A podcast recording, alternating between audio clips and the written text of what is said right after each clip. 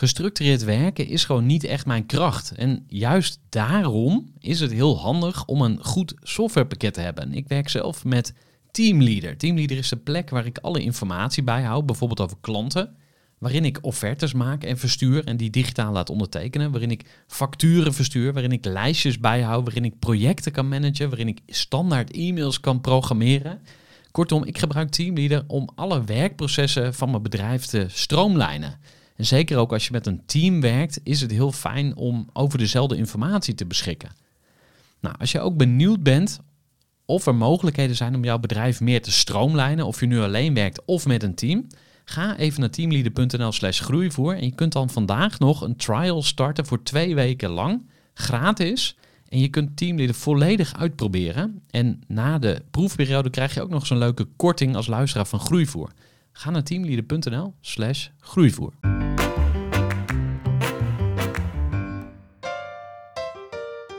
Welkom bij een nieuwe aflevering van de Groeivoer podcast. Met in deze aflevering Cheert Jan de Jager van het bedrijf Makelaar Cheert. Makelaar Cheert werkt in uh, Overijssel, met name in uh, Zwolle en omstreken en zit in het makelaarsvak, zoals de naam doet vermoeden. Nou, Cheert is niet uh, begonnen als makelaar, maar ging eerst een traineeship doen bij Achmea. Kwam toen in vastgoed op Bali. Nou, zou je zeggen, lekker, weet je.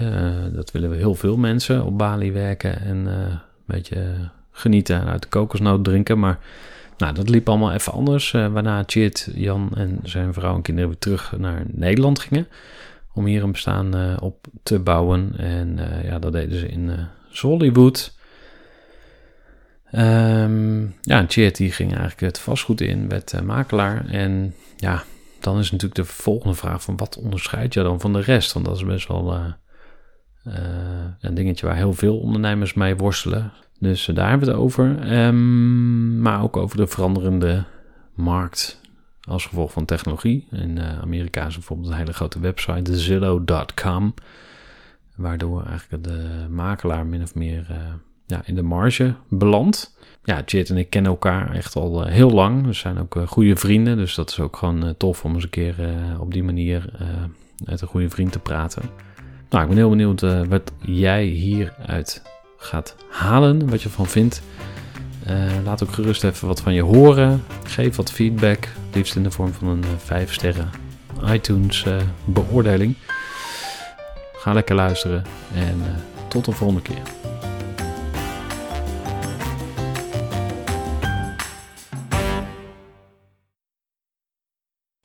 Het is weer tijd voor een nieuwe aflevering en ik ben deze keer te gast bij Cheert Jan de Jager van het bedrijf Makelaar Cheert. Goedemiddag. Makelaar Cheert, zeg ik het zo goed? Of? Ja, ja? ja klemt dan ook goed. Super dus- cool. Um, ja, nou, uh, ik ken jou al een tijdje, ja. maar heel veel mensen kennen jou nog niet. Dus wie is Cheert Jan de Jager? Nou, dat is wel een uh, lastige vraag, denk ik. Want ik ben als... Gerard begint te lachen tegenover mij. Ja, wie is makelaar Cheert? Ik, ik, uh, ik ben meer Cheert, denk ik, dan, dan makelaar. en ik probeer mijn ja, mijn kennis en kunde in te zetten als zijnde makelaar, als bemiddelaar. En ik zit nu in de, nou, in de makelaardij. Dus ik bemiddel tussen kopers, verkopers met betrekking tot vastgoed. Mm -hmm. Maar naast het, het, bemiddelen daarin, ja, als je vraagt wie is makelaar dan hoop ik toch wel dat dat meer is dan, dan alleen dat. Ja. Ehm, ik ben een vader van twee kinderen. Oh, okay. sinds kort weer terug in Zwolle. Dan ben ik getogen.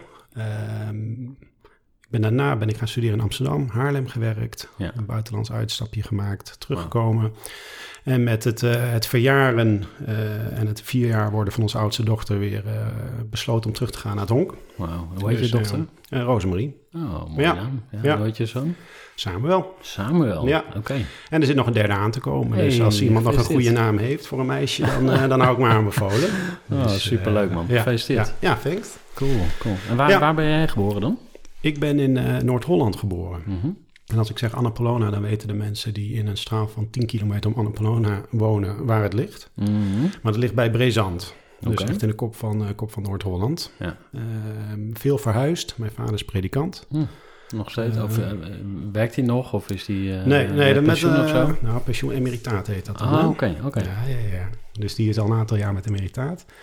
Um, en dat is eigenlijk een, een predikantspensioen, dus wat dat betreft. Uh, maar predikant ben je voor het leven. Hm. Dus dat, uh, uh, hij bezigt het ook nog. Oké. Dus hij gaat nog voor. Maar dat heeft wel als gevolg gehad dat wij veel verhuisd zijn. door het land, buitenland. uiteindelijk daarom ook in Zwolle terechtgekomen. Hm. Enschede gewoond, Amsterdam, Haarlem. dus ja, met het reizend bestaan. Ja. Ehm, Past dat ook bij jou? Is dat wie jij bent? Zo'n soort avonturier of zo? Nou, of, ik weet niet of dat, dat bij mij past of dat, dat uh, de grondslag is geweest van wie ik geworden ben. Daar ben ik Hm. over na aan het denken. Hm. Van, zit dat nou in mij? Of is dat iets, zeg maar, wat uh, nature nurture? Is het iets wat mij uh, door ervaringen, zeg maar, heeft gemaakt? Ja. Dus dat is wel een, een interessant, interessant ding. En wat is je gevoel erbij? Ik denk dat het een combinatie is. Hm. Ik denk, uh, ik heb natuurlijk de genen van mijn ouders. Mijn ouders die, uh, die zijn ook redelijk avontuurlijk. Dus die krijg je mee. Die gingen Ja. ook naar het buitenland of zo? Ja, Hm. ja, ja, die hebben uh, jaren in Canada gewoond. En dat was nog in de tijd voor het internet. Uh, dus we hebben nog een aantal videobanden waarin mijn ouders echt verslag doen van zes maanden. En dat ging in de VHS Oh, en dat ging naar Nederland voor de Oh, familie. wat grappig. Ja, ja dus dat was, toen was dat echt nog wel een dingetje. En dan neem je ook gewoon voor, uh, voor een aantal jaar afscheid van de familie. Hm. Maar dat was wel, uh, ja, was wel uiteindelijk denk ik voor ons gezin wel een hele bijzondere en goede ervaring geweest. En dat heeft ook mij gemaakt tot wie ik nu ben. Ja. Dus, Wat, ja. wat, wat, wat voor herinnering heb je dan? Ehm, nou, ik, ik, ik weet niet of het herinneringen zijn of herinneringen van herinneringen, als je begrijpt wat ik bedoel. Want Ja, er zijn foto's, is, uh, eh, precies. altijd ingewikkeld ja, of het ja, echt het is is echt of- heel precies. Ja, of ja, dat je een herinnering van een foto of van een filmfragment hebt. Maar ik heb daar een hele onbezorgde eh, eerste vijf, zes jaar gehad. Uh, en dan kan ieder voor zichzelf beslissen van, joh, weet jij daar nog wat van? Of is dat uh, uh, door overlevering in je, in je, in je geheugen gaan nestelen? Ik Ja. bedoel, dat allemaal daar gelaten. Maar heel vrij, avontuurlijk. Mhm. Um, er werd gejaagd, er werd Ja, er werd van alles gedaan. Ja, ja. En ook Kom je uit een jongensgezin of zo? Of, Uh, Gemengd. Dan moet ik altijd even nadenken. Want ik kom uit een groot gezin. Mhm. Uh, ik heb vier broers en drie zussen. Hm. Maar van de laatste twee, de twee jongste broertjes van mij. Mijn ene jongste die is net nog in Canada geboren. En mijn jongste Mhm. broertje in Nederland. ja. En Dus, je hebt ook eh, een BN'er broertje, toch? Een bekend eh, broertje. Een Ja. BB'er. Ja, een BB, een bekend broertje. Ja. Hou ons niet langer in spanning. Ja, welke wil je weten? Ja, maar. ik, heb ze alle- ik heb zoveel... uh, nee, het is grappig dat je daarnaar vraagt. Want het is... Uh, je doelt denk ik op Wietse. Ja. Wietse, Wietse de jager DJ uh, bij 538 nu. Uh, en die heeft een publieke, meer een publieke functie, ja. Mhm. ja. En die Ja. andere? Nou ja, die... ja, dat zijn voor mij even goed bekende Nederlanders, zeg maar. Ja. Dus jij bent niet echt aan status gehecht of zo? Nee, eigenlijk... misschien zou ik dat wat meer moeten doen, maar dat Hm. heb ik helemaal niet. Nee, nee. Hey, en um, over status gesproken. Ik denk dat heel veel mensen uh, dromen over verre reizen. Mm -hmm. Jij hebt het gedaan. Ja. Uh, je vertelde even uh, tussen neus, lip en door dat je in Bali gezeten hebt. Ja. ja. Uh, wil je daar iets over vertellen? Nou, dat is wel grappig, want ik ben daar in contact gekomen met makelaarsvak. Uh, wij gingen daar regelmatig heen, ook omdat de familie zit. Uh, en via via ben ik in contact gekomen met een lokale makelaar. Zij het een Engelsman, maar wel uh, met Indonesisch paspoort. En die zaten best wel omhoog uh, qua bezetting. Mm -hmm. Dus die had mij gewoon een keer onder het genot van een, van een koude, koude bintang gevraagd van... joh, uh, beetje brutaal, maar is het misschien wat voor je? Ja. Nou ja, dat zijn dingen die gaan dan in mijn hoofd nestelen en dan heb ik het met mijn vrouw over. Uiteindelijk hadden we gedacht, toen was Rosemarie al geboren, onze dochter. Ik van, joh, probeer het gewoon. Dus iets spullen opgezegd en, uh, en die kant op gegaan. Ja. Dus jij ja. zit op, op Bali mm -hmm. met een koude bintang, mm -hmm. een lekker koud biertje in je Ja, hand. Iemand ja. komt naar je toe en zegt, joh, laat je spullen achter in Nederland en kom hier en we gaan samen die business uitbouwen. Dat is een enorme kans. Dus die heb jij Nou ja, die heb ik gegrepen. Ja, Vet. ja. ja dus dat, uh, dat en was hoe echt gaat wel dat dan een, in zijn eh, werk, zo'n zo'n landverhuizing, om het maar even zo te noemen? Ja, kijk, dat is... Uh, ik, ik hecht heel weinig aan, uh, aan materiële dingen. Hmm. Mijn vrouw gelukkig ook niet. Dus wij, en het was ook wel louterend om even gewoon een grote schoonmaak te doen. Dus we hebben gewoon eigenlijk alles weggedaan wat we hadden. Weggegeven, verkocht. Uh, uh, mensen die het nodig hadden, noem het allemaal maar. En we zijn eigenlijk, ja, ik denk dat we nog drie, vier verhuisdozen over hadden met fotoboeken en dat soort dingen. Zo. Ehm, maar dat zou ik iedereen al een keer aanraden om dat te doen. Klinkt als ontspullen, maar dan... Ja, ja maar heel veel mensen zo- vinden dat heel ingewikkeld. Het is ingewikkeld, maar als je er zeg maar eh, toe gedwongen wordt, wat in Aha. ons geval een beetje een logisch gevolg was van de keuze die we gemaakt hebben, Mhm. merkte ik dat het gewoon heel louterend eh, eh, voelde. Ja. Gewoon geen ballast meer, geen, eh, ja, geen omkijken meer naar het. Echt gewoon alsof er, een, eh, ja, alsof er gewoon een last, en dat klinkt gek, want het zijn spullen waar ik ook wel aan gehecht was, maar toch een last van je afviel. Hm. Ehm, nou ja, en met, en met, met die verstande dus ook het vliegtuig ingestapt. Eh, en daar ook gewoon, en dan merk je van, van, met, van hoe weinig je rond kan komen. Hm. Qua spullen dan. Eh, het is natuurlijk wel wat lekker om wat roepia's eh, te kunnen verdienen, om ook gewoon lekker te kunnen leven. Ja. Maar ik heb dat nooit gemist Hm. in al die maanden dat we daar hebben gezeten. Chill. Dus, en Wat, merk- wat is Bali voor eiland? Ja, ik denk dat er wel een aantal luisteraars eh, al geweest zijn. Er wordt echt overspoeld door eh, toeristen, in ieder geval Ja. de laatste vijf tot tien jaar. Ehm, en ik denk de eerste keer dat ik geweest ben is, nou ja, laat het 15 jaar geleden zijn. Eh, en toen was het ook al toeristisch hoor. Mhm. Maar wat je nu wel ziet is dat het echt wel overspoeld wordt door, door toerisme. Ja. Ehm, eh, veel gebouwd. Ja. Er wordt weinig aan infrastructuur gedacht. En op zich vindt iedereen dat ook prima. En Wat Dus betekent dat? een, eh, nou, ik, ik zit wel een beetje, ik ben een beetje Calvinist en ik, ik, ik kijk altijd van, joh, hoe kan het efficiënter, hoe kan het sneller, hoe kan het beter? Maar dat heb ik echt vanaf moeten kicken, Oké. want het maakt hun gewoon geen bal uit. Ja, Maar Ja. waar komt dat nou weer vandaan? dat het hun geen bal uitmaakt Ja. of dat ik, Ja, dat, dat, eh, dat het hun niet uitmaakt eh, of ze... een, ja, eh, het zit in de aard, denk ik. Het is een soort van gelatenheid van, eh eh, had die, had die plan, plan, rustig aan, eh, maak je niet te druk. Eh, het verandert toch niet. Eh, maar de, ehm, eh, zij, ik heb het idee dat er veel mensen op Bali geval meer op korte termijn leven. mhm, Van joh, eh, wat ga ik vandaag doen, wat ga ik morgen doen, wat ga ik volgende week doen. mhm, Terwijl wij hier in Nederland al ons druk maken over wat gaat er over 50 jaar gebeuren. mhm. Dacht ik in het begin van joh, dat is natuurlijk veel slimmer, Ja, want dan ben je maar voorbereid strategie. Vooruitdenken. uitzetten. Er wordt beleid opgemaakt. Nou ja, en je ziet wat dat allemaal eh, teweeg brengt. Maar uiteindelijk eh, kan er in die 50 jaar, laat het 20 jaar, laat het 10 jaar zijn, kan er zoveel veranderen in die variabelen. Dat je allemaal druk, druk hebt gemaakt om helemaal niks. Ja. Omdat de situatie, eh, als die komt, anders is dan dat je hem eh, vooraf zeg maar, in een model hebt, eh, hebt geprikt. Dus dat kunnen we van hun leren. Dan kan ik zeker van hun leren, ja. Ja. ja. en dat heb ik ook wel een beetje mee, mee terug proberen te nemen. Al merk ik wel dat je heel snel weer opgeslokt wordt in de dagelijkse gang van zaken. Dus net als Mhm. mensen op vakantie. De eerste dag is nog een beetje onwennig als ze uit het Ja. vliegtuig stappen of uit de auto stappen. Maar na een week dan is iedereen weer opgenomen in, in de gekte. Ja. Dus dan probeer ik me soms wel even weer op... Even weer te spiegelen van joh, eh, de dingen die je toen hebt meegemaakt, die je ervaren hebt, hoe zit dat nu? Ja. Eh, en wat doe je daarmee? Ja. Ja. Ja.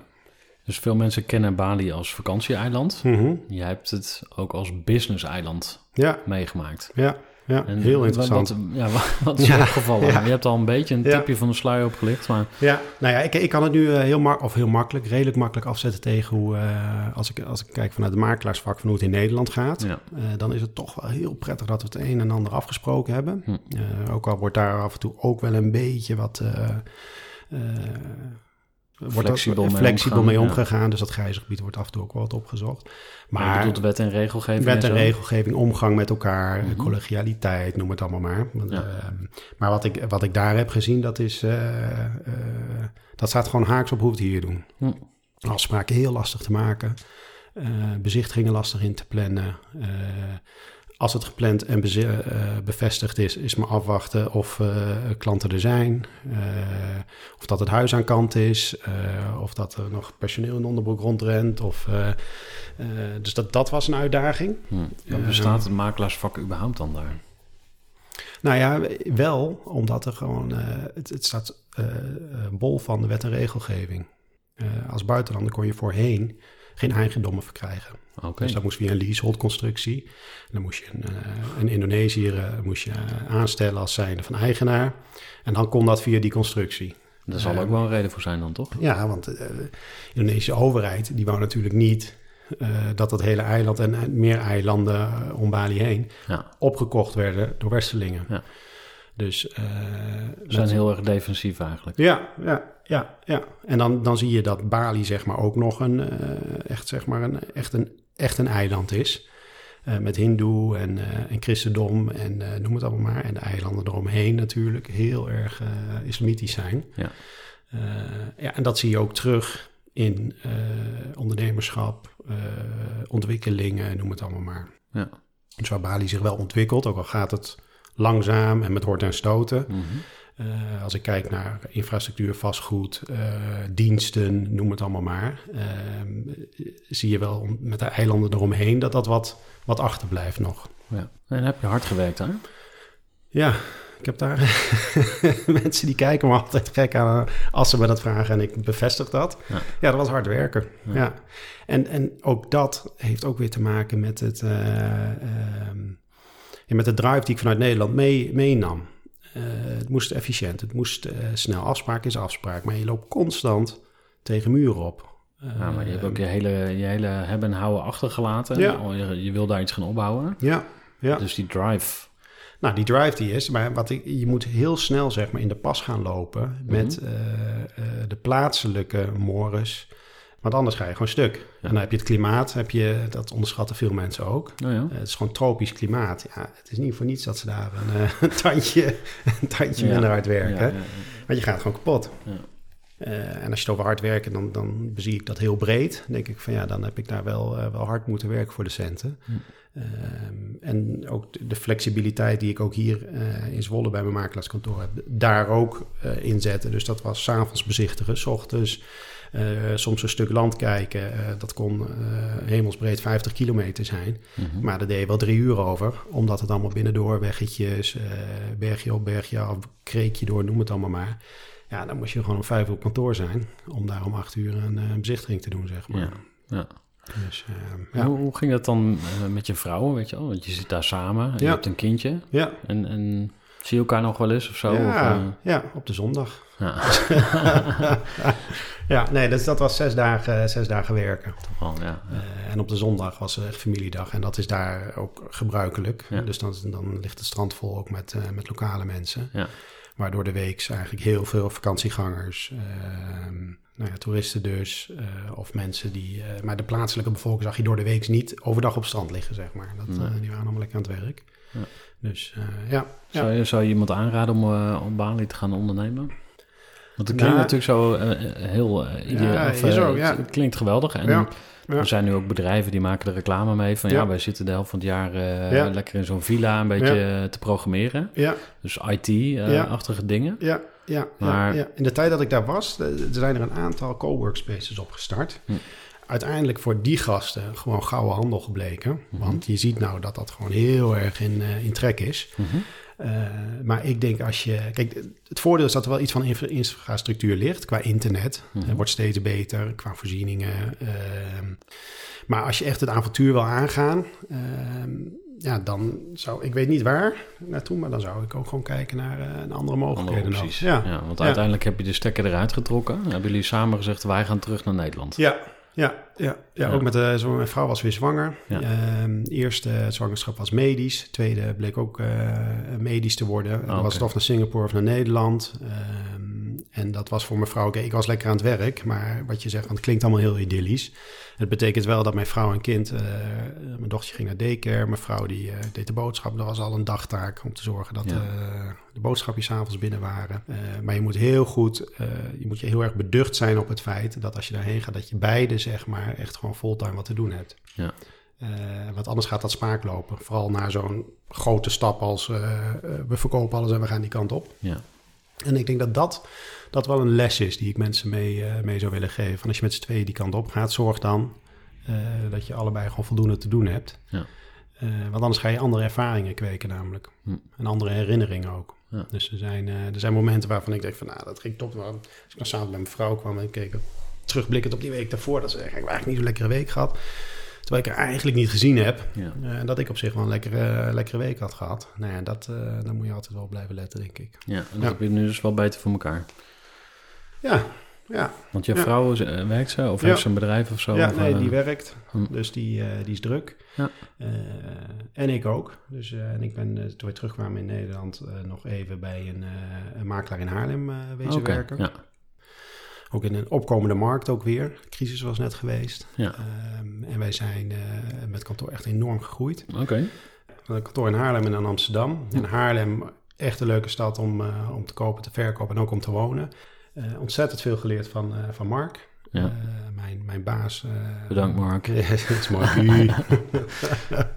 nee, maar dat, ik maak er altijd grapjes over, maar dat is wel gewoon zo. En in de praktijk leer je gewoon het meest. Ja. Ehm, met als, als, als ja, leuke bijkomstigheid daar dat wij ook eh, gewoon echt leuke dingen in de verkoop hadden. Ook in het Hmm. buitengebied, Aardehout, eh, Bloemendaal, eh, noem het allemaal maar. Dus echt wel gewoon hele vette dingen gedaan. Ja. Ja. Wat, ja. wat was het, mooi, het coolste huis wat je verkocht hebt? Kan je dat herinneren? Of waar je bij betrokken was? Ehm, nou ja, het coolste is dat ik over alles niet alles mag zeggen. Ah, Dat vind ik ook cool. Dus dat zijn echt Ah. wel dikke dingen geweest.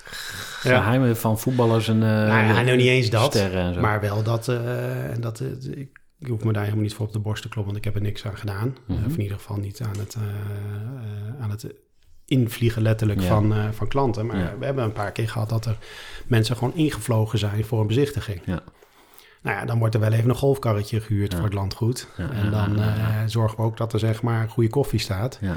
En dat de plaatselijke slager zeg maar de broodjes klaar heeft staan. En dat is gewoon een bezichtiging van, van drie, vier uur. Met een voorbereidingstijd, zeg maar, eh, lichtjes aan doen. Gewoon eh 30 minuten mee bezig. Ja. Dus dat zijn Wat- hele vette dingen. ja, tof man. En Ja. ehm, is er een naam die je toch kan noemen? Nee. ja, ik kan natuurlijk... Nee, maar ik moet... Is, is, er, is, is integriteit belangrijk voor super belangrijk. Of vertrouwelijkheid, of hoe je het dan ook noemt? Ja, nee, dan ben, daarom ben ik nu ook, lach ik er een beetje om en ben ik wat terughoudend. Dat vind ik echt, dat is gewoon key bij mij. Ja. Ehm, en ik, ik, ik kan prima over mijn werk praten, Ja. maar ik garandeer ook en ik zeg ook altijd tegen klanten van, joh, wat wij bespreken binnen deze vier muren, blijft binnen deze vier Ja. muren. En ik wil ook dat mensen een vertrouwensband Ja. eh, kunnen kweken met mij. In ieder geval dat ik daar open voor sta. En dan is het aan hun van hoe ver gaan we daarin mee. Ja. Eh, maar ik kan het gewoon, eh, ik, ik kan het niet verkopen, zeg maar, dat dat linksom, rechtsom of naar buiten komt, of dat mensen toch te oren komt. Dat, dat zou ik echt, echt, echt heel erg balen vinden. Dus Ja. dan zet ik er gewoon in een heel vroeg stadium, eh, zet ik de stop op en ik zeg er Ja. gewoon niks over. Dus Nee. eh, nee. Even een korte onderbreking met een belangrijke vraag aan jou. Want wat heb jij geregeld voor het geval je van de ene op de andere dag zou komen uit te vallen? Wat gebeurt er dan met je bedrijf, maar vooral wat gebeurt er met jou persoonlijk en ook in financieel opzicht? Samen met ASR voerde ik drie openhartige gesprekken over tegenslag en veerkracht. En dat deed ik met Saskia, Vincent en Pieter. Ondernemers met een bloeiend bedrijf die van de ene op de andere dag niet meer konden werken. En die verhalen hoor je in aflevering 256, 257 en 258 van deze podcast. Als ondernemer wil je natuurlijk niet uitvallen. En daarom is het belangrijk dat je veerkrachtig bent, want voorkomen is beter dan genezen.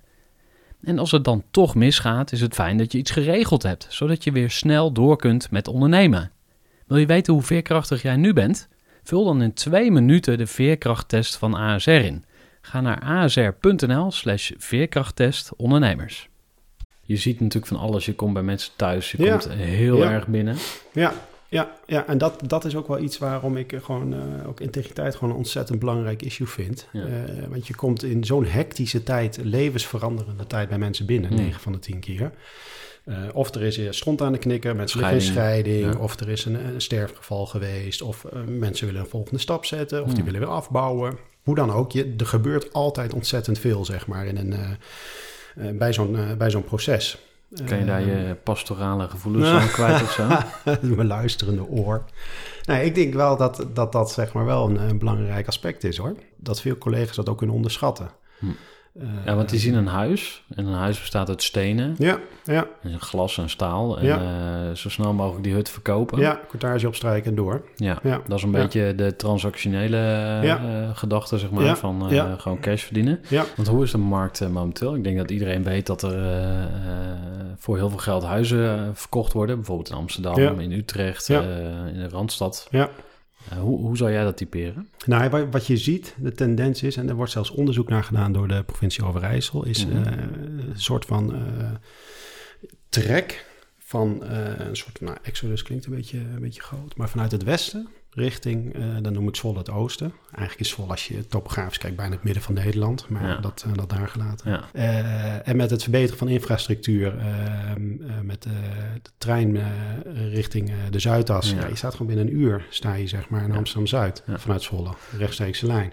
En je ziet gewoon klanten komen. Ja, Ik dus, heb- dus een ge- gekte op de huizenmarkt. Ja, Noem je, noem jij het ook gekte of zie je, de- vind je dat overdreven? ja het is een beetje stemmingmakerij ook. Ja. Ik bedoel, eh, zolang we het allemaal tegen elkaar blijven schreeuwen en Ja. roepen, dan ja, dat is eh, een beetje kip-ei. eh, skip die- ei verhaal. Ja. Ehm, dus dat, eh ja, gekte. Kijk, er gebeuren wel eh, qua prijzen. Dan denk je van ja, dat had eh, iemand eh, drie jaar geleden nooit betaald. Maar ja, eh, dat is dus een kwestie van vraag en aanbod. En als vraag en aanbod gekte is, ja, dan is er een gekte. Ja, en die trekt dus een beetje naar het oosten, zeg maar. Dus we zijn nu in het midden van het land, Ja, in. Ja. En eh, je merkt dat de pri- prijzen ook stijgen hier. prijzen stijgen hier. En ehm, wat je dus ook ziet, is dat de klanditie ook vanuit het westen overkomt, deze Oh kant op. Omdat zij ook zien, eh, kijk, we hebben een aantal grote werkgevers hier. Mhm. eh, Isala, Isala, Isala, Ziekenhuis. het ziekenhuis. Ja.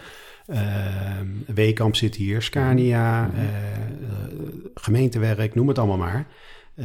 Er gebeurt heel veel. Dus Zwolle is echt een economische groeikern. Maar ja, Ja. dat zorgt ook dat het gewoon mensen blijft trekken. Ja, ja. En boven Zwolle, en dat is ook niet denigrerend bedoeld, maar je hebt Meppel, Steenwijk. Uiteindelijk heb je, als je eh, uur in de auto zit, heb je Groningen. ja. Dus daarboven is dan ook ja, niet heel veel meer. Tussen Zwolle en Groningen is niet heel veel. Nee, nee. Sorry mensen, Ja, als, jullie, sorry. als je luistert en je woont tussen Zwolle en Groningen, Dan horen we niet graag. persoonlijk. Nee. nee, maar het is ook vooral qua werkgelegenheid bedoel, bedoel ik dan. Hè? Want ik, Ja. eh, eh, mijn, eh, mijn vrouw die heeft in Drenthe gewoond. Dat is fantastisch mooi wonen. Ja. Maar dan moet je dus wel voor lief nemen dat Amsterdam-Zuid niet een uurtje is. Maar Mhm. bijvoorbeeld anderhalf uur of een Ja, uur, je kiest voor een de ander leven. Ja, je kiest voor een ander leven. En dan is eh, Zwolle, Amersfoort. eh, ik heb zelfs klanten die vanuit Amsterdam naar Amersfoort... en nu alweer de volgende stap richting Zwolle zetten. Dus die, eh, ja, dat is echt een trek deze, deze kant op. Toevallig gisteren op Funda zitten zoeken naar een, iets, iets woonboerderijachtigs in de buurt van Zutphen. Mhm. En ehm, omdat ik op een of andere manier trek ik ook naar de achterhoek een Ja. beetje die kant op. En Ja. dan kan je gewoon nog lekker wandelen, weet je. Ja. Zonder dat je om de Ja. 10 meter iemand Ja. tegenkomt. En de auto op de Ehm, oprit zetten. Ja, precies. Lekker, dus het zijn allemaal natuurlijke behoeften. Be- Ja. Natuurlijke behoeften aan vrijheid, aan eh, ruimte, weet je wel. Lebensraum. Ja. Dat is een van mijn eh, Ja. kernwaarden. Ja. Gaantje, maar Maar uiteindelijk zou die ook gewoon in die piramide van Maslow terecht kunnen komen, toch? ja, oh. Dat, eh, dat is gewoon basis. Ik, ik denk het ook. Want als je gewoon te veel mensen op in te weinig eh, vierkante meter stopt, ja, dan worden ze op een gegeven moment gewoon gek. Ja. Dat, eh, maar ja, je wou het vertellen. Nou, ik ben benieuwd ehm, wanneer je ontdekte dat je een ondernemer bent. Wanneer ik dat ontdekte, Mhm. joh, ehm, ik vraag me ook af of ik echt een ondernemer ben. Dus dat is de eerste Ja. vraag. Ja. Ben ik een ondernemer? Eh, Gezien de wet wel, Hmm. eh, want ik, ik ben aan het ondernemen. Mhm. Maar wat ik eh, heel fijn vind aan mijn, aan mijn werk nu, is dat ik het gewoon, eh, dat ik mijn eigen idee op mijn eigen tempo, op mijn eigen manier eh, kan implementeren. Dat ik dat uit kan werken. Dat ik praktische dingen met flexibiliteit in mijn dag heb. Ja. Dat ik er voor mijn kinderen kan zijn. Kijk, het, het is een, een, Total package. het is een total package Ja, voor mij. ja. Ja. En ik vind het wel heel fijn nou om te zien dat zeg maar wat ik erin steek, dat dat nu ook terug begint te komen. Oh ja? En Dat dat heb is je veel geïnvesteerd? Ja, qua tijd zeker. Ja. Eh, qua netwerk zeker. Nou ja, tijd is natuurlijk... Mensen zeggen tijd is geld. Eh, Ja. Daar kun je over discussiëren. Maar eh, dat het niet meer terugkomt, Nee, dat weet je zeker. Dus als je jarenlang je, je, je uren erin steekt in je bedrijf... Dan wil je er iets voor terug. ja, ja. maar ja, dat Dus gebeurt dat- niet altijd. Hè? Nee. Dat, Oké. Eh, en ik denk dat jij net als ik en net als vele luisteraars ook gewoon echt wel voorbeelden kunnen verzinnen Hmm. eh, waarin dat gewoon eh, misloopt. Het, het- ik kijk regelmatig op nu.nl Mhm. en daar heb je nou ook een kopje, voor mij is het bij nu hoor, ehm, over mensen bij wie het fout is gelopen. Hmm, ja. dat is, eigenlijk is dat een beetje not done om daarover te spreken. Ja. Het wat zo waardevol is, Ja. voor startende ondernemers ook, van joh, het is niet allemaal roze geur maneschijn. Maar je hebt gewoon, eh, soms zitten er gewoon fuck-ups tussen. Eh, en ja, Wat is jouw favoriete fuck-up? uit mijn... eh, Mhm. ja, ik, wat ik, en dat is heel klein nog maar hoor, maar dat toen ik terugkwam naar Zwolle, eh, en dat is, moet je niet lachen, maar dat is op niks gebaseerd ook. Ik dacht dat iedereen wel wist dat ik terug zou komen. Oké. Dus ik denk van, nou, dan staan ze in de rij om hun huis bij mij te, te verkopen. Hmm. Eh, en dat, dat is een soort van vooringenomenheid geweest. Of ik denk, als ze zullen het wel weten. Of ze zullen wel weten wat ik doe. Ja. Terwijl de- mijn vrouw zegt op een gegeven moment tegen mij... weet jij wat, eh, wat al de ouders uit uh, Roosmarie de klas doen dan? Ik zei, "Ah, geen idee joh. Ik weet Ja. het ook niet. Nee. Dus dat, dat, zijn, dat zijn dingen. Het zijn allemaal kleine dingen. Maar waar ik wel terugkijk, denk ik van ja, daar had ik gewoon... In het begin nu eh, gaat het Mhm. gewoon goed. Maar daar had ik gewoon meer, eh, meer tijd en energie in moeten steken. Ja. Eh, en, en dat heb ik... Niemand is verplicht om zijn huis eh, via mij te verkopen. Mhm. Niemand verplicht. Het Mhm. gaat om gunfactor. Ja. En natuurlijk ben ik af en toe zuur van als ik denk van... joh, maar ik ken je toch van dan en dan. Waarom staat dat huis bij eh, die Ja. en die dan? Ja.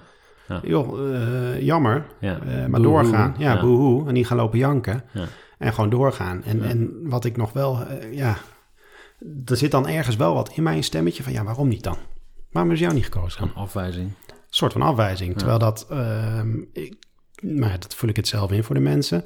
Als ik het zou vragen, dan zeggen... oh, was je ook makelaar? Oh ja, Ja. dat had ik het voor jou gedaan. Hoe dan ook, moet je door. Dus Ja, eh, ja, nee, als blijkt van, ik heb niet genoeg klanten, ja, eh, verzin een list of begin, begin, een nieuw, begin een nieuwe dienst. Ja. Hoe, hoe heeft jouw bedrijf zich daarin ontwikkeld, zeg maar? Nou, door me daar niet meer door uit het veld te laten slaan. Ja. En wat ik zeg maar dan... ehm, ik, maak, ik heb een voorbeeld in mijn hoofd... Ja. eh, waarvan ik... dat, dat was een maatje van vroeger. Die heb Oh. ik al 10 jaar, 15 jaar niet gezien. Ja. Ehm, ik reed langs zijn huis. Ik wist waar die woonde. En ik zie daar door. Ik zie daar zeg maar een bord van een collega in de tuin. Ik denk, eh, kak man. Had ik Ja. willen hebben. Waarom Ja. kies je mij niet? Ja. Uiteindelijk... eh, blijkt nou dat zijn zus ook bij een makelaarskantoor werkt. Oh, ja. Dus dat lijntje was veel korter. Heb ik me toch twee weken dat ik denk van kak, elke keer als ik langs het huis kwam. Terwijl ik eigenlijk beter die energie gewoon in iets anders had kunnen stoppen. Hmm, Van joh, eh, ja. natuurlijk. Gewoon, dus dat is wat het is. Dat neemt geen keer. Ja. Eh, prima, keuzes worden gemaakt. eh, bewust, onbewust. Ja. Maar zorg gewoon dat je je eigen, je eigen race loopt. Ja. Dus dat heb ik daar. eh, en dan blijkt dus achteraf dat het eigenlijk heel logisch is geweest dat die gast die betreffende Ja. makelaar heeft ingeschakeld. Ehm, ja, je hebt het eh, gehad over je eigen ontwikkeling. Ja. Nou, hoe kijk je naar de ontwikkeling van het makelaarsvak? Nou, ik, ik ben daar wel heel benieuwd naar hoe dat gaat. Hm. En ik denk velen met mij. Je ziet eh, de afgelopen tijd je ziet, eh, eh, veel zelfverkoopmodules komen, ook via internet en noem het allemaal maar. Waar ehm eh, eh, Makelaarsland er natuurlijk een hele bekende van is, maar ik zelfverkopen.nl en zo heb je er nog een paar. Dus die trend zie ik. Ik zie dat de gevestigde kantoren, de grotere kantoren, daar toch wat moeite mee hebben. Eh, net als met mensen als mij, eh eenpittetjes. Mhm. Eh, ik, ik heb natuurlijk een overheid van Likmefestje. Mhm. Eh, ik heb geen duur kantoor, ik krijg geen dure auto. Mhm. En dat, eh, ja, dat verdisconteer ik in die, in die cortageprijs. Ja, Ja. Die ligt er dan soms net wat onder. Mhm. En dat vinden de gevestigde kantoren vinden dat lastig. Dat snap Mhm. ik ook. Mhm. Nou, en dan is het de vraag van wat, wat ga je doen? Mhm. Als groot kantoor, als een klein kantoor. Laat je je op je nek zitten? Nou, dat doe ik niet. Kijk, ik ben, ik ben super flexibel. Mhm. Ik ben, ik kan, eh, eh, ik, ik kan zo, ik heb er nu bijvoorbeeld, heb ik er een aantal eh, eh, beheersklussen bijgepakt. Ja. Dat kan ik er gewoon bijpakken. Ja. Dan moet ik gewoon mijn eigen dingen beter inregelen of anders inregelen. Ja. Maar het is wel zo dat ook al zijn het de kruimels voor de grote kantoren, er zitten wel wat mensen aan een, uh, een stoelpoot te krabbelen. Ja. Dus doordat je klein bent Mhm. of voor jezelf werkt, Ja, ehm, kun je heel klantgericht zijn. ja, Kan je inspelen op de vraag Ja. van de klant. ja, heel specifiek. Ja. Ja. Ja, en dan kan ik echt maatwerk leveren ook. Oké. En dat, dat is volgens mij, kijk, iedereen kan tegenwoordig, iedereen, er zijn heel veel mensen die tegenwoordig gewoon hun eigen huis verkopen en kunnen verkopen. Ja. Eh, dat is helemaal, eh, je moet het juridisch dichttikken, tuurlijk. Mhm. Ja. Daar heb je ook wel weer kanalen voor. Eh, maar het ontzorgen, eh, ja, eh, dat is iets waar ik me nu op kan, kan onderscheiden. Mhm. En dat is niet meer van, ik ja, dat, dat moet gewoon heel ver gaan om nog een Mhm. verschil te kunnen maken. Ja. En als mensen denken van, joh, ik heb gewoon geen zin om mijn huis te verkopen, ja, dan kan ik er zijn om dat zeg maar gewoon helemaal uit handen te nemen. Ja. Maar dan moet ik ze dus ook gaan verrassen nou, en overtreffen van, joh, Ja. wow, dit is cool. Dit gaat ver. Ja. Maar ben je dan nog een makelaar? Ja, ik ben, ik ben een soort van bemiddelaar, denk ik. Ja. Want wat heb je met dat woord? Niet zoveel. Hm. Nee. nee, met makelaar maar ik, ik kan ook makelen in... eh, het is in de... ehm, in onze taal natuurlijk makelaar in onroerend goed. Ja. Maar je hebt ook makelaar in roerende goederen. Ja. Dat kan ook. Ja. Je kan in alles makelen. Uiteindelijk is het bemiddelen tussen koper en verkoper. En elke makelaar zal zeg maar, zijn naam willen beschermen door te zeggen... nee, het is echt wel vastgoed. Maar uiteindelijk is eh, het woord zelf Van bemiddeling. een soort van bemiddeling tussen koper en Een soort verkoper. eh, middelaar. Een bemiddelaar. Ja. Nee, zonder be. Nou ja, de middelaar. Ja, Dat zou een hele mooie eh, bedrijfsnaam zijn. middelaar, cheers. Schrijf hem even op. Ehm Cheert, wat ik merk is dat als ik het woord makelaar hoor, dat ik meteen allerlei associaties heb. Mag ik alvast eentje noemen waarvan ik denk dat jij het gaat zeggen? Nou, Mannen in een slecht zittend pak. ja, Ja? hoe je het zo? Ja. En die andere, dat is eh, een gast op een scooter met een eh, witte overhemd. Oké. En wat ze met elkaar gemeen hebben, is het boeit ze geen zak wie ik ben. Het boeit ze ook eigenlijk geen fluit eh, hoe dat huis eruit ziet, als ze maar die cash binnen hosselen. Ja. Dat imago, Mhm. Eh, dit, dit was mijn, mijn, mijn gevoel erbij. En zo Mhm, heeft iedereen zijn mhm, eigen verhaaltje ermee. Maar hoe, hoe ga jij ermee om? Denk, wat denk jij dat de imago van een makelaar is? Ja, ik denk dat jij het goed omschrijft. Dat, eh, los van hoe ze eruit zien. Maar wat, wat ik gewoon te vaak meemaak bij collega-makelaars ook... ehm, eh, en, eh, is, is dat zij bijvoorbeeld gewoon heel weinig van een woning weten. Mhm. Ze pakken de vragenlijst erbij, die is door de verkoper ingevuld. En bij vragen, ja, weet ik niet, moet ik even nazoeken, ik kom er even op terug. En ik denk van ja, op, op die manier, kijk, de, de verkoper, de opdrachtgever, die weet niet en die zal nooit weten dat er tijdens zo'n be- bezichtiging gestunteld wordt. Die is daar gewoon niet bij. Mhm. Dus die verkoper, het makelaar, kan van alles zeggen. Goede bezichtiging, terwijl die mij misschien maar eh, een kwart van de informatie heeft kunnen geven. Ik noem maar wat. En dat steekt mij, dat stoort mij. Dan denk ik van, verdorie je, koopt, eh, je verkoopt eh, een van de grootste goederen van een klant. Ehm, En waarom steek je dat? Heeft dat met je kernwaarden te maken of zo? Of met, met de lat hoog leggen? Of een bepaalde kwaliteit die je wil leveren?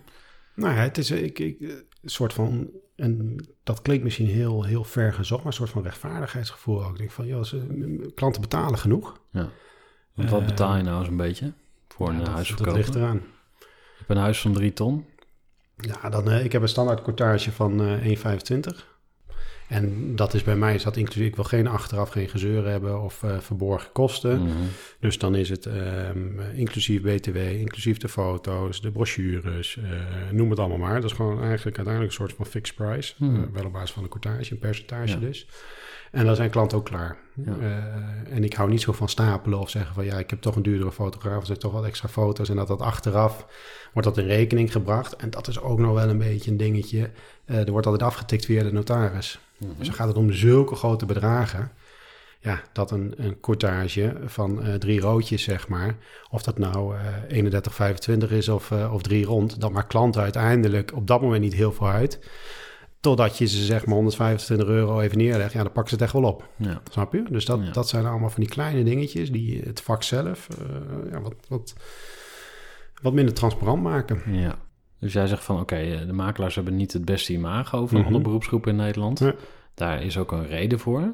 Ja. Ehm, er gebeurt van alles wat misschien niet perfect is. Nee. Zijn er dingen die makelaars wel heel goed doen als beroepsgroep? Of waarvan je denkt van, ah, dat, eh, dat is echt een voorbeeldbedrijf voor me. Ja, nou ja, ik denk qua beroepsgroep dan, eh, dat is te algemeen. Ja? Ik denk dat de individuele makelaar, dat die het verschil kan maken. Eh, waarbij er een aantal makelaars zijn die echt wel de kantjes ervan aflopen. Ja, nou laten we ze even noemen.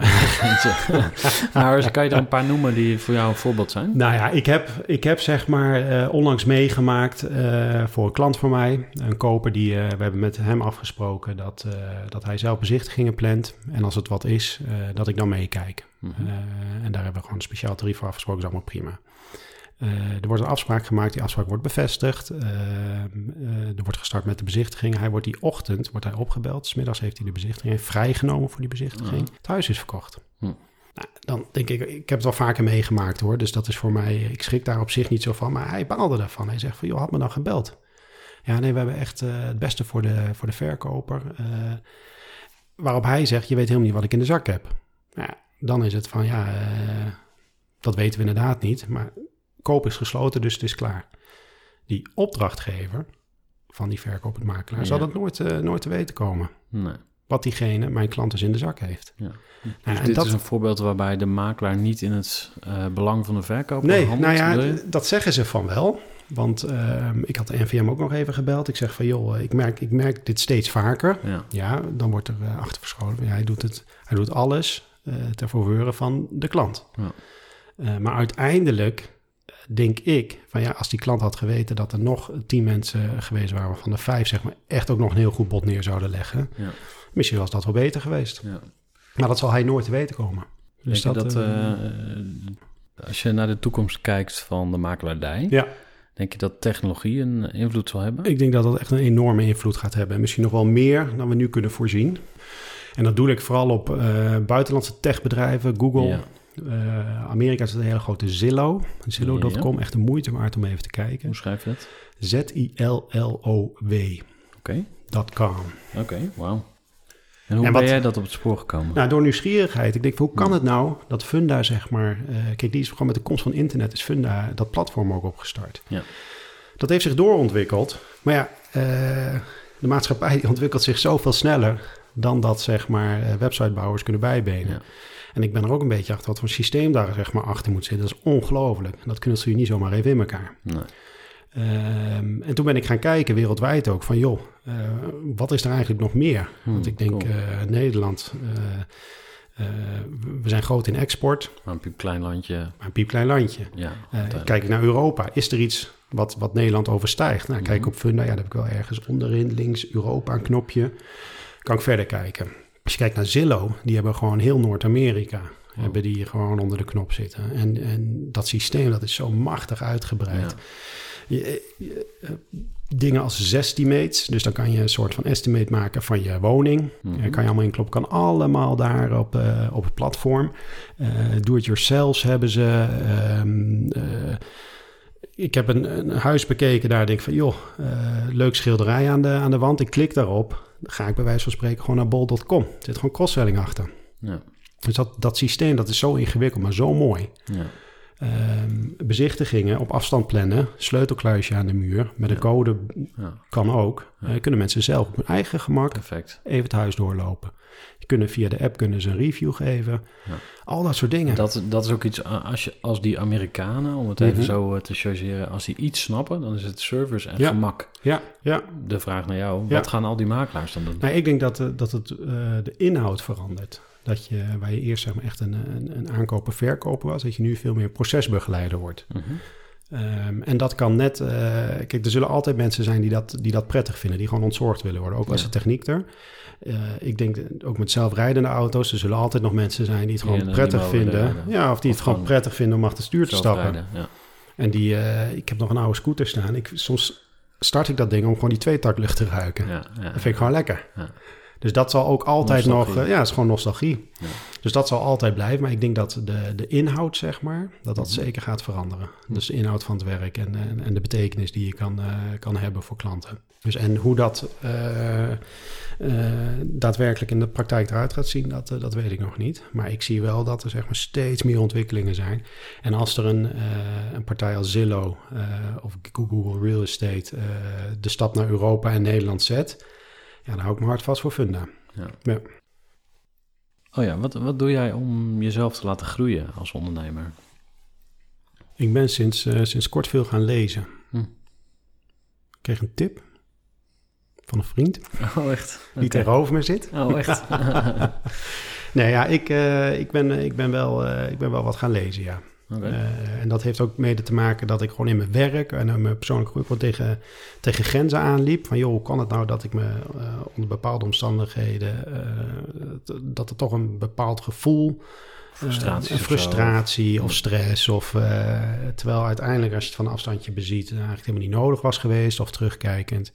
Dat ik denk van ehm, op, op, op in een vroeg stadium dingen herkennen, bij kunnen sturen en tot succes eh, laten maken. Eh, dat is een van de dingen. En eh, op een gegeven moment ook gewoon keuzes maken, commitment tonen. En dat is wel waar ik de afgelopen tijd wel veel over na aan het denken ben. Van als je iets wil laten groeien, moet je aandacht geven. Net zoals een plantje, moet je water Ja. geven. Lange termijn kijken. Lange termijn kijken en dan ga je vruchten plukken. Hm. En wat ik heel erg had en nog steeds wel heb, is de vluchtigheid. Van het moet Mhm. snel, ik wil doorontwikkelen, ik wil dit erbij pakken, ik wil dat erbij Hoe pakken. kom je daarbij dan?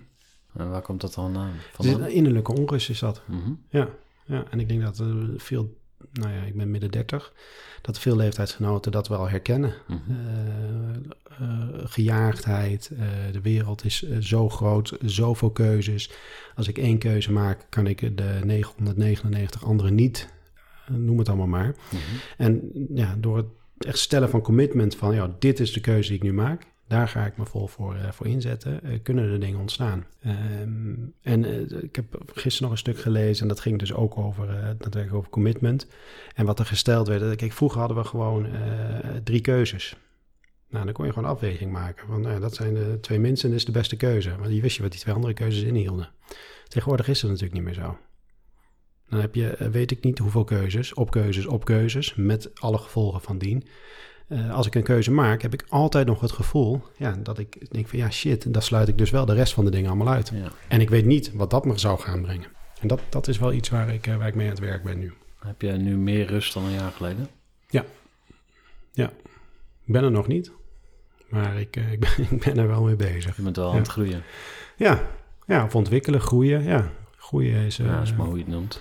Ja, ja, het wordt wel beter, het wordt groter, het wordt uh, positiever. Dus dat, is, ik, dat kan je als goede, goed als goede benoemen. Ja, ja, ja. ja. Wat, wat is eigenlijk nou de essentie van wat jij doet, uh, business-wise? Ja, mijn de essentie is mensen blij maken. Dat, dat, ik, ik merk elke keer dat ik daar gewoon echt wel een, een positieve vibe van krijg.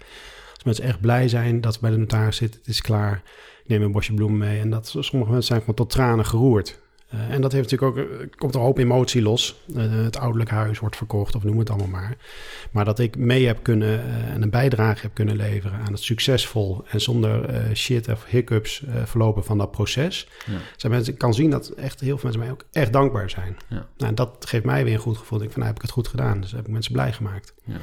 En dat is wel iets in essentie, in, in essentie wat, wat mij dan ook weer blij maakt. Dus, uh, en of ik dat nou binnen de makelaardij doe of uh, binnen de uitzendbranche. Of, ja, ik weet het, het zijn, ja, het zijn paden die ik niet behandeld heb. Dus ik weet het niet. Dus ja. Ken je het bedrijf PayPal? Ja. oprichter van PayPal, ik geloof dat hij uit Scandinavië komt, maar ik weet niet zeker. Die deed op een gegeven moment boardroom consulting. Dus dan ging Ja. hij bij uh, CEO's uh, zitten. En dan zei hij van, uh, well, uh, what business are you in? Mhm. Nou, dan gingen die gasten vertellen wat voor product ze hadden. En de tweede vraag was altijd, what business are you really in? ja, ja, ja. en dat, ja. dat is eigenlijk, Ja.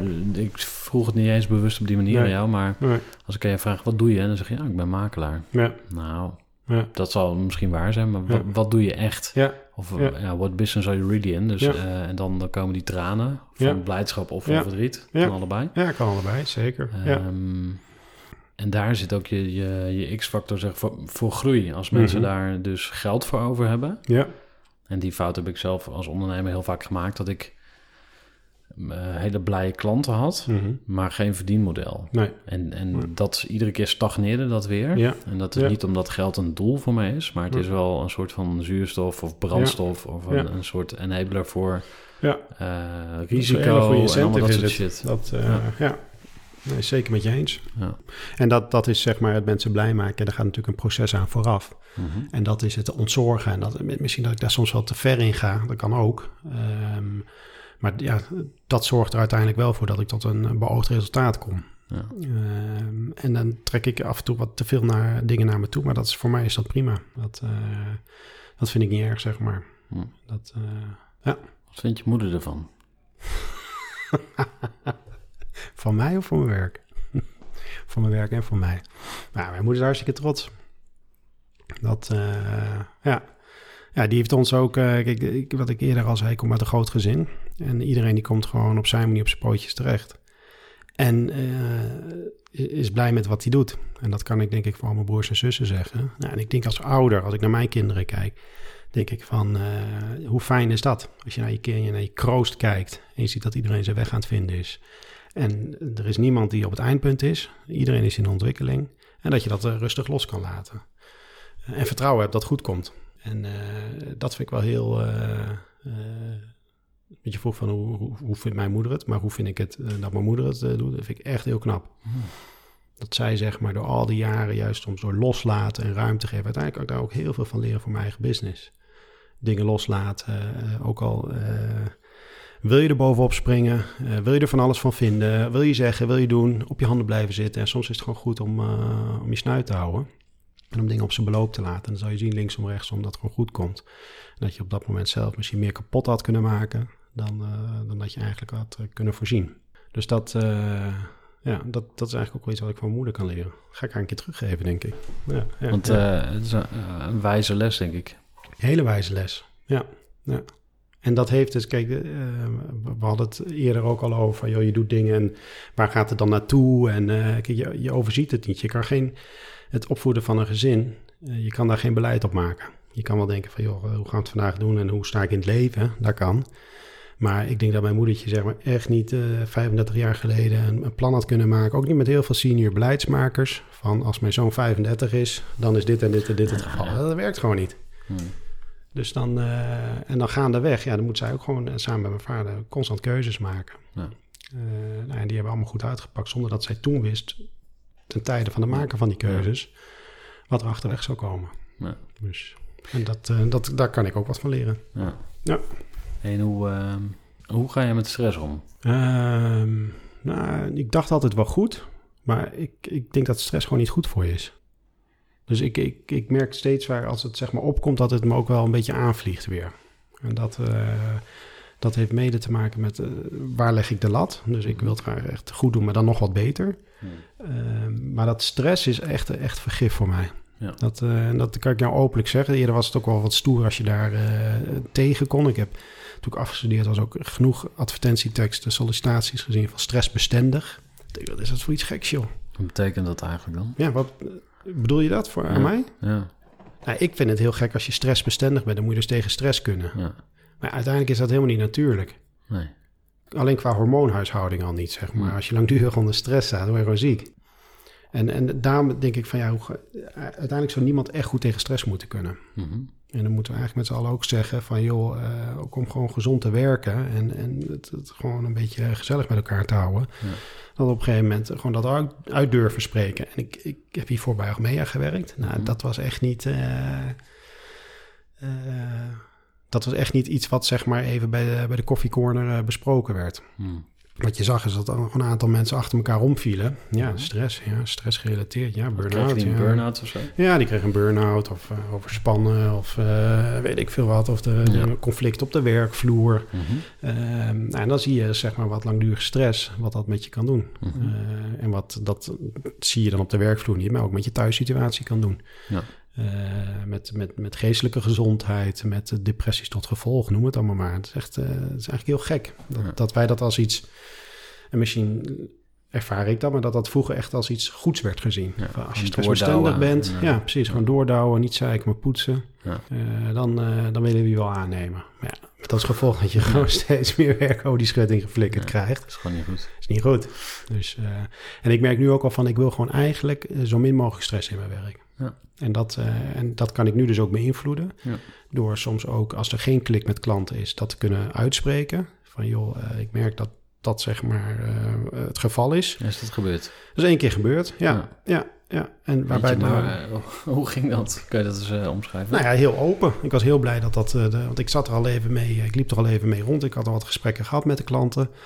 En um, uh, ik zat echt op het punt om de opdracht terug te geven. Ik denk van, en waarom? Ik kon niet echt, uh, echt de vinger opleggen. Maar elke keer als ik weer uh, de betreffende naam in het scherm zag, denk ik van, kak, gaan we al buikpijn of zo? Of? Ja, of een beetje verhoogde hartslag. Ik denk van, ja. nou, wat komt er nu weer achter? Zeik. Weet je wel? Ik denk, ik heb er helemaal geen zin in. Ja. Dus ik heb dat zeg maar benoemd ook. Van, joh, ik merk aan mezelf ja. dat er iets tussen staat. Mm -hmm. Deel je dat met me? Ja. Nou ja, de andere partij die had dat niet echt zo, zeg maar. Hmm. Ik zeg, nou, ik wil wel gewoon uh, uh, mezelf 100%, 100%, ik wil me gewoon volledig kunnen geven voor de opdracht. En als ik merk dat dat, zeg maar, ergens schuurt, ja. kunnen we het je beter over hebben uh, om die opdracht, zeg maar, te annuleren of terug te geven. Je hebt op een hele voorzichtige manier de verkering uitgemaakt. Een hele voorzichtige manier, ja. ja. ja, ja. En hoe en dat, dat achteraf? Heel fijn. Ja? Ja, Ja, ook om gewoon, dat, dat zijn overwinningen voor mij. Dat ik denk van, oké, nou heb je het heft in handen genomen. Ja. Je bent niet maar meegegaan omdat er wat poen verdiend moest worden. Uh, en misschien was het een hele goede transactie geweest. Maar misschien ook Ja, wel niet. Had je er alleen maar gezeik van gehad. Ja. En dat kan ik gewoon prima loslaten nu. Dan denk ik van, joh, dat, eh, het is jammer van de, van de courtage. Maar ik ben gewoon blij dat het gewoon niet, eh, niet door is gegaan. Ja. Dus, ehm, en, en dat is dan een overwinning. En de volgende keer ga ik dat weer wat makkelijker zeggen. En dan kan ik dat misschien wat eerder zeggen nog. En dan, ja, je bent ontslagen. you're fired. Nou ja, maar dat is wel wat je doet. Je ontslaat gewoon die klant. En, Ja. en joh, het mooie is dat je iemand ontslaat ook van zijn verplichting. Ja, En jezelf vooral. ja, Ehm, als je een baas hebt, dan, dan hoop je dat die baas een beetje voor jou zorgt. ja, ja. Maar als ondernemer ja. moet je voor jezelf zorgen. Ja. En je hebt dus wel wat dingen ontdekt over hoe je dat aanpakt. Ja, ja, nee, Mm. klopt. En daar ook gewoon ass- assertief in zijn. Dat, Ja. eh, en, en vaak is het voor jou gekker dan voor de klant. Hmm. Want uiteindelijk heb ik die klant er ook mee geholpen. Want die had achteraf ook niet willen horen dat ik me maar eh, voor de helft heb ingezet. Dat zou ik niet doen. maar dat is ook niet leuk voor hem of haar. Nee. Dat, eh, dat mogen duidelijk zijn. Ehm, maar ja, dat zorgt voor mij ook gewoon voor een goed gevoel. Ik denk van oké, weet je, je hebt gewoon het heft in de eigen handen genomen. En eerder was het veel meer pleasen van hey, ik doe het dan maar.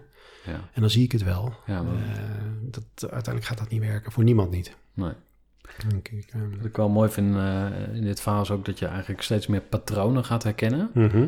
Dus hoe ouder je wordt, hoe Ja. vaker je eh, ziet van, oh wacht, Ja, dat is ja. zo'n situatie, die heb ik al ri- drie keer meegemaakt. Ja, ja, En toen dacht ik al, hmm, ik voel iets wat niet klopt. en de vierde keer denk je, oh wacht, Ja, nu weet nou, ik wat ik moet precies. doen. Ja, ja. En dat, eh, ik weet niet hoe, hoe jong de luisteraars zijn van de podcast, maar dat zou ik echt elke beginnende ondernemer eigenlijk ook wel gewoon als les mee willen geven. Eh, kijk, iedereen heeft het meegemaakt en je, je gaat echt gewoon ontzettend vaak op je bek. Eh, en de kunst is er wel elke, keer weer van het opstaan, maar dan ook gewoon te kijken van ja, waar ben je overheen gestruikeld? Eh, gewoon opstaan en dom doorrennen, dat heeft niet zo heel veel zin. fucking dom. Ja, Ja. gewoon kijken van, joh, wat lag daar? Oh, dit. Oké, nou ja, waarvan akte en we gaan wel door. Maar dat je op een gegeven moment, eh, wat, wat, ja, dat het niet gek is dat soms een onderbuikgevoel, eh, dat je die negeert. En dat je denkt van, nou ja, ik weet het niet, zal wel. Eh, maar dat na drie, vier keer, precies wat jij ook, wat jij ook schetste, Gerard, dat je dan terugkijkt en dat je denkt van, ja, verrek, weet je, dat is eigenlijk vier keer dezelfde steen geweest. Ja. Nou, de volgende keer als ik aankom lopen, schuif ik die steen aan de kant of ik loop er een rondje overheen, Ja. omheen. Klinkt goed. Ehm, ja, zijn er nog dingen die je wil bespreken? Nou, ik vond het heel leuk om even meegemaakt te hebben. Ik was eerst Ja. wat, eh, ik, ik, ik kreeg de uitnodiging van je. Ja. En ik denk van, joh, is dat nou wel handig? Heb ik wel een goed verhaal? Maar uiteindelijk is mijn verhaal het enige goede verhaal. Ja, bedacht ik me. Ik kan dat allemaal gaan fine-tunen en eh, voorbereiden. En wat wil ik wel zeggen, wat niet. Maar het fijne is dat het gewoon organisch, zeg maar, komt. Ja. Eh, en het is gewoon een heel fijn, eh, fijne manier Mhm. om, om het gesprek aan te gaan. En waarschijnlijk zijn er straks dingen, denk ik, van, kak, had ik leuk gevonden om te vertellen. Of jij hebt Ja. dingen van, joh, had ik moeten vragen. Maar ja, dat is ook wel het leuke aan zo'n podcast. Ja. Dat dat, eh, Dit is het gewoon. dit is het. Ja. Dus, eh, nee, Misschien nog bedankt. een keer een vervolg. eh, over vijf jaar, Ja. een rerun. Ja, ja, Hey Jit, ja. onwijs bedankt dat ik hierbij mocht zijn. En heel veel succes gewenst met Makelaar Cheert. Misschien in de toekomst nog wel ooit een andere business. Ja, er komt vast nog een side business aan. Hm, Daar ben ik ook aan Ik ben heel benieuwd. Ja, ja. Thanks. Jij ook bedankt voor je tijd. Tot de moeite. De volgende keer. Tot ziens. Joe. Ja, dat was hem, hè. Het eh, gesprek met Tjeerd-Jan de Jager van Makelaar Cheert. Mooi eh, makelaarskantoor uit eh, midden, Midden-Oosten van het land. Hè. Het Hollywood. Prachtig, prachtig. Ik zou er machtig mooi graag lekker naartoe verhuizen. Waarom ook niet? En als je dan daar een huis zoekt, klop even bij Tjeerd-Jan aan. En hij helpt je graag verder. Over verder helpen gesproken. Je zou mij enorm verder helpen als je een eh, klein steentje bijdraagt aan de promotie van de Groeivoer podcast. Zodat eh, ja, er meer luisteraars gaan eh, komen. Het zijn er natuurlijk al enkele tienduizenden, maar ja, er mogen er altijd meer bij. Nou, als je iets meer wil weten over eh, ja, wie ik ben en wat ik voor je zou kunnen betekenen, check it out, groeivoer.nl. En eh, ja, dat was hem wel, denk ik. Graag tot de volgende keer. Adios.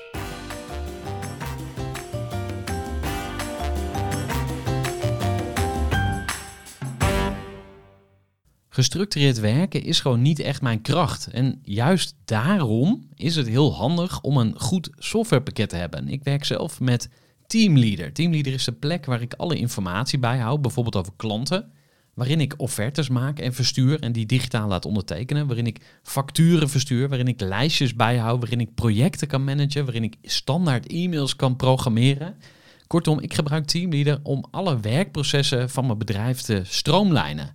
En zeker ook als je met een team werkt, is het heel fijn om over dezelfde informatie te beschikken. Nou, als je ook benieuwd bent of er mogelijkheden zijn om jouw bedrijf meer te stroomlijnen, of je nu alleen werkt of met een team, ga even naar teamleader.nl slash groeivoer en je kunt dan vandaag nog een trial starten voor twee weken lang, gratis. En je kunt Teamleader volledig uitproberen. En na de proefperiode krijg je ook nog zo'n leuke korting als luisteraar van Groeivoer. Ga naar teamleader.nl slash groeivoer.